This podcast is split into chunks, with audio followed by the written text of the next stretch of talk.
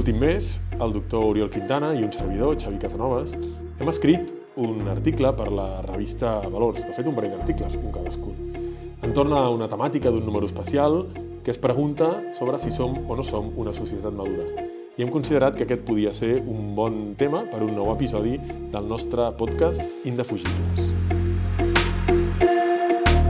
Indefugibles, el podcast de la Càtedra d'Ètica i Pensament Cristià de l'IQS, amb Xavier Casanovas i Oriol Quintana. Un podcast amb la col·laboració de Catalunya Religió. Bona tarda, Oriol Quintana. Bona tarda, Xavi Casanovas. Bueno, doncs eh, aquest article, o aquesta pregunta, no? crec que anava una mica entorn amb l'excusa de, de la qüestió de la pandèmia, no? on hem reflexionat molt sobre, sobre com és la nostra societat, si realment som madurs, si hem respost amb maduresa a la situació de pandèmia que vivim, i cadascú dels dos ha escrit un article diferent, amb enfocaments bueno, complementaris, evidentment. El que passa és que també, si no recordo malament, hem coincidit en dir que no és una societat madura la nostra. Sí, de fet, el, el meu article es titula eh, sobre la impossibilitat d'una societat madura. Eh? No vol dir que no. No m'atreveixo a dir si és madura o no és madura, però jo crec que és impossible pensar que la nostra societat eh, serà mai madura, diguéssim. No? És aquesta idea de que hi ha estadis i llavors es va d'un estadi d'immaduresa a un de maduresa. Crec que és una que podem aplicar a la persona, però no crec que puguem aplicar a la nostra societat, no? I, bueno, per raons vàries, no? Però, per tant, si ho pensem en clau d'estadis, diguéssim, jo diria és impossible arribar a ser una societat madura o Però per- arribar-ho a ser per sempre, diguéssim. Per no? tu, Com què és, la, final. per tu què és la maduresa parlant d'una persona? A mi m'agrada, jo utilitzo un article eh, i, de fet, és que ho recordo, però no sé, ni jo no ho vaig llegir, ni si exactament ho deia així. Però hi ha aquest filòsof eh, espanyol, Javier Gomà, que alguna vegada li vaig llegir una idea que em va agradar, no? i deia, la maduresa és el procés de transitar del principi del desig al principi de la realitat. Ara no recordo si parlava del principi de la responsabilitat o de la realitat, però jo em vaig quedar amb aquesta idea i m'agrada més eh, pensar no? que, que madurem quan transitem del principi del desig al principi de la realitat. És a dir, de passar d'una lectura del món en la qual tot és no? eh, una resposta, diguéssim, purament a allò que a mi em ve de gust en cada moment o a un estímul concret, no? eh, a passar a entendre que la realitat és una, l'hem d'acceptar, l'hem d'assumir, eh, la podem transformar, evidentment, però sobretot el que hem de fer és enganyar-nos a nosaltres mateixos, no? i algú que viu contínuament regit pel principi del desig eh, és incapaç d'entendre el que està passant al seu voltant. No? I a mi aquesta idea m'agrada molt, jo crec que és molt potent no? per entendre... Però tu com l'apliques a la societat en aquest moment? Val. Llavors, eh, què és el que veig, diguéssim, no? pues aquí veig una, una, diferència, una diferència claríssima, és a dir, en el, en el camp social, què vol dir ser una societat madura, no?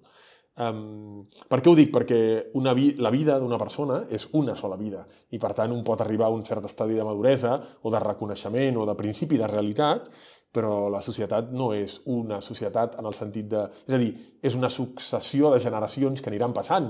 I, per tant, avui podem ser una societat madura en el sentit de que podríem dir hi ha un percentatge de gent a la nostra societat que es considera madura Vale, i, a més a més, hem aconseguit institucionalitzar, és a dir, convertir en institucions i en dinàmiques i en processos institucionals i processos socials que aquesta maduresa personal es traslladi, diguéssim, en, en institucions sòlides que regeixen per un principi de realitat, com dèiem, no? I podem podem entrar acabar d'explicar què vol dir això.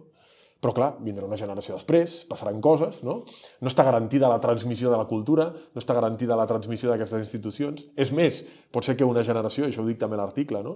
eh, es que s'esclerotitzi, quedi allà encallada, volem dominar i volem controlar, i no es preocupa, diguéssim, no? de la transmissió a la següent generació, de manera que arriba una altra generació que ni assumeix aquells principis, ni aquelles institucions, ni aquell coneixement, ni aquella cultura, i per tant comença de zero. I per tant s'ha acabat, diguéssim. No? Per tant, no podem arribar a ser una societat madura, en el sentit de, ah, mira, aquesta societat ja ha madurat, ja està, no? Ja... Per això començo l'article, de fet, amb un, amb un símil una mica orgànic, no? que és la maduresa d'un fruit. No? Diu, un fruit, fins que no madura l'arbre, no? llavors ens el podem menjar. Però, clar, és orgànic, és metabòlic, és una cosa que no depèn de si, diguéssim. No? En canvi, la maduresa d'una persona demana una actitud diferent, diguéssim, no? que és activa, una de voler. No? També passa que amb la persona sí que a vegades es dona el cas de tios que fan una regressió, no? Estic pensant en el típic home de 40 anys que, bueno, voy a juntar la banda de rock and roll que teníem quan érem joves i, i això, però són eh, recaigudes... Però juntar la banda rock and roll no em sembla una actitud immadura. Bueno, és que a sigui dir, un exemple qualsevol. Jo el que volia dir és que pot haver-hi algunes recaigudes a la immaduresa en la vida de les persones. Bueno, jo el que Però veig... És veritat que s'arriba a cert punt en què això ja no passa tant o ja no passa. Bueno, jo crec que, que si un ha transitat a un estadi de reconèixer la realitat, a no ser que es torni boig, en el sentit de que perdi la raó, perdi la raó, no pot eh, sobte, fer-se trampes al solitari, no? És, fer-se trampes al solitari, això és que no pots autoenganyar-te, no? El que sí que dic, i per mi ha sigut una de les constatacions més dures a la vida, diguéssim, és que no implica directament madurar el fet de fer-se gran o créixer. No? És a dir, que tu et pots trobar moltíssima gent de 40, de 50 anys totalment immadura, que no que amb, un, amb una distància i una, eh, no sé, un, un enganyar-se respecte a la realitat eh, brutal, no? I llavors jo pensava quan era petit, no? No, quan un creix, madura. Igual que el fruit a l'arbre, quan, eh, amb el pas del temps, el pas del temps és suficient perquè la persona maduri. I per res del món, no? un es va trobant al llarg de la vida amb quantitat de gent que, per molt que el temps passi, això no és condició... Tot i ser condició necessària, mai és condició suficient, no? Perquè... Sí, sí, sí. Sí, eh, bueno, jo en el meu cas, eh, fonamentalment estic d'acord amb la teva visió, en general no. Jo també ho posava com accept... no, no vaig posar acceptar la realitat, sinó que vaig posar més aviat acceptar el sofriment, diríem, acceptar la frustració, no? que ve, ve, ve a ser el mateix. Eh, Jo, jo vaig posar l'article que a mi em semblava que la societat està en una fase d'adolescència.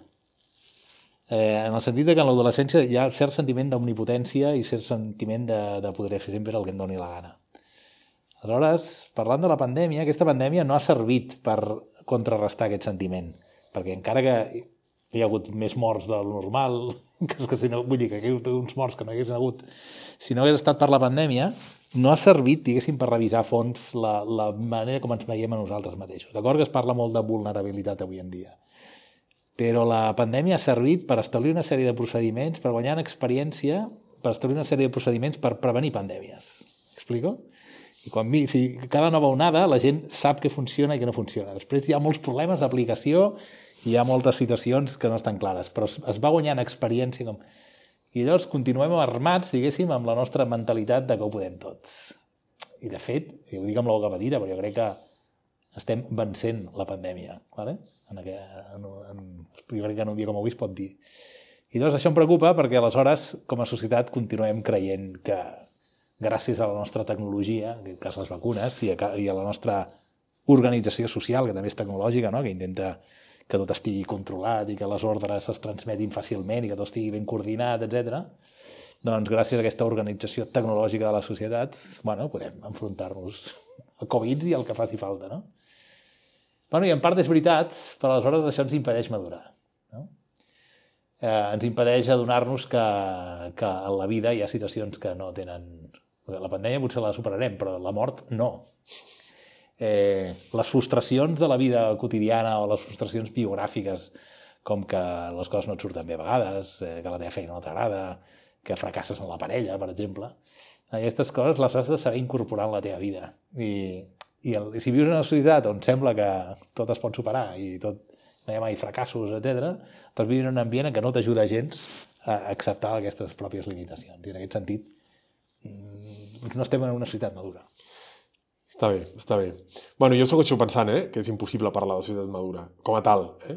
um, i que per tant són processos personals i que la suma, diguéssim, no, de, de persones madures de una societat i de les seves possibilitats ho farà.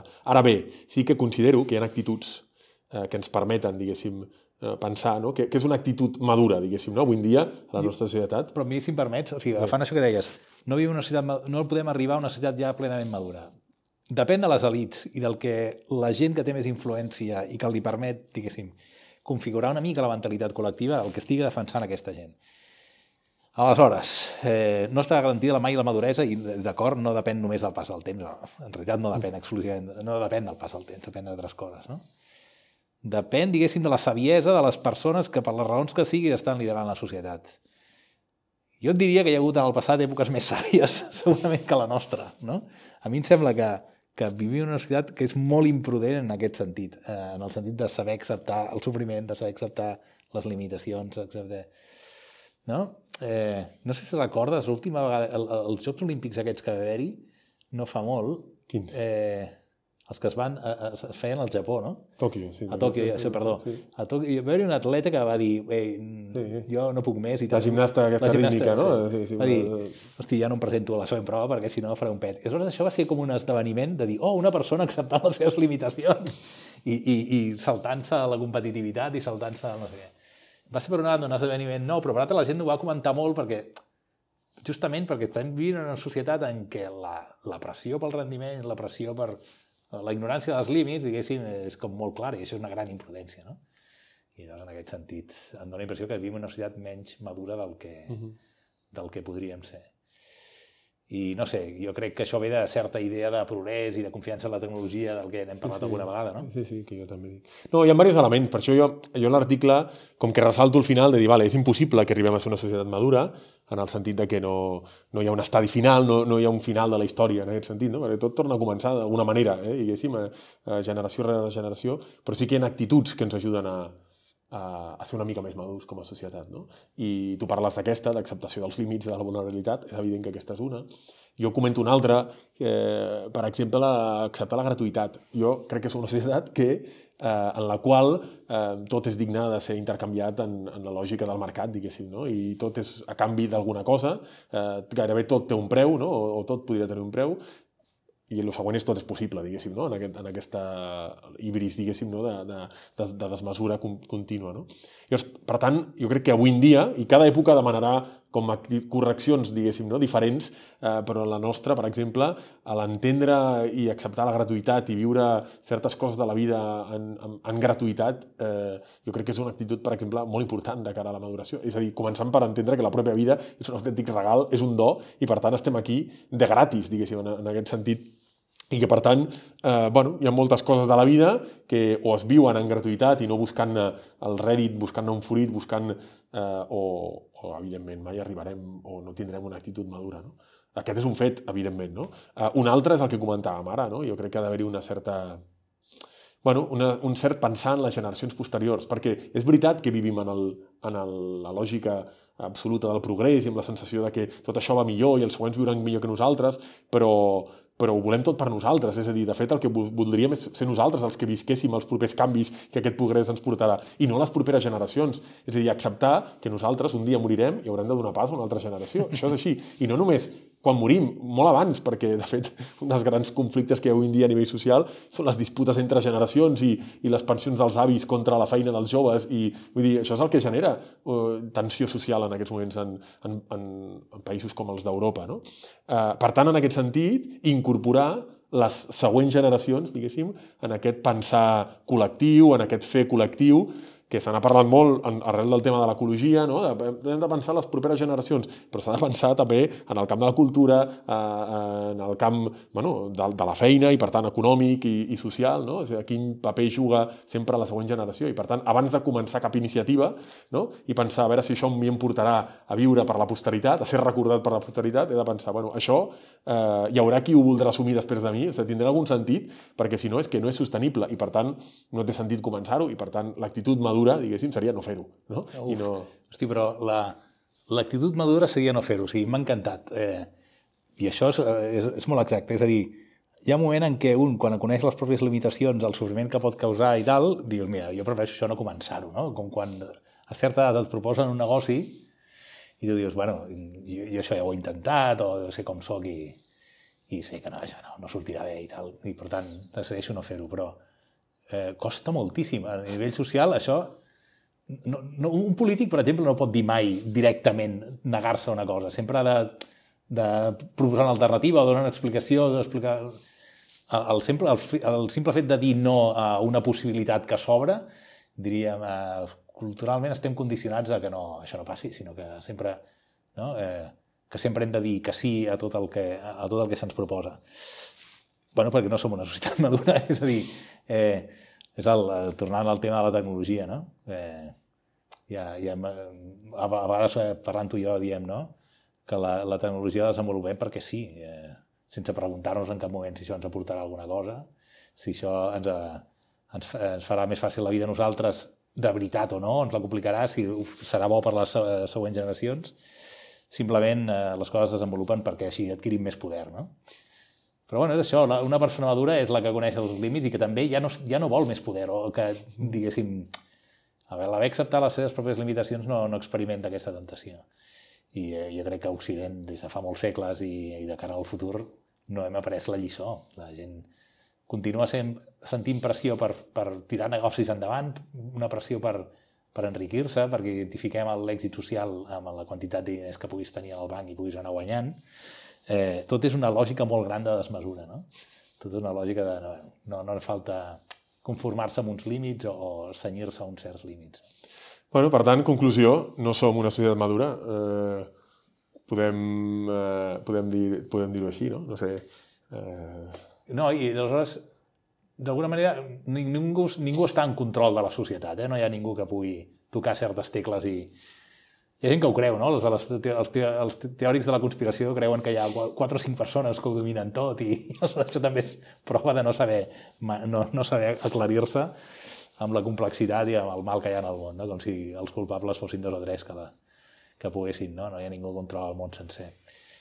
Però sí que, hem de, sí que tenen una responsabilitat les elites, això sí, no? i això estem els professors universitaris i estan, no sé, tots els periodistes i tota la gent que pot tenir certa influència social, no? que cada cop hi ha més, no? que hi ha més plataformes per fer-ho. Doncs eh, de dir que certes coses són mentida, de que hi ha certes necessitats que no són veritades necessitats, que són falses, no? haver, anar creixent, diguéssim, en, en una major austeritat de vida, anar creixent en limitar les nostres necessitats, anar creixent en, en acceptar els nostres límits. I això em fa pensar una mica en la pel·lícula aquesta que s'ha posat tant de moda aquest Nadal, de, el Don't Look Up, no miris a dalt, no?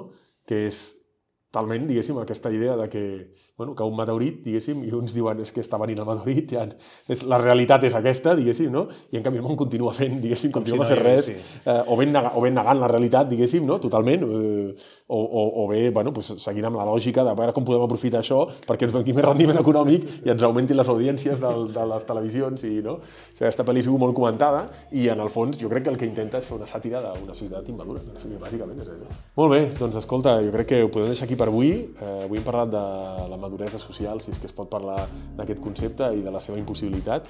I res, continuarem amb nous temes indefugibles en aquest podcast de la Càtedra d'Ètica i Pensament Cristià de l'IQS.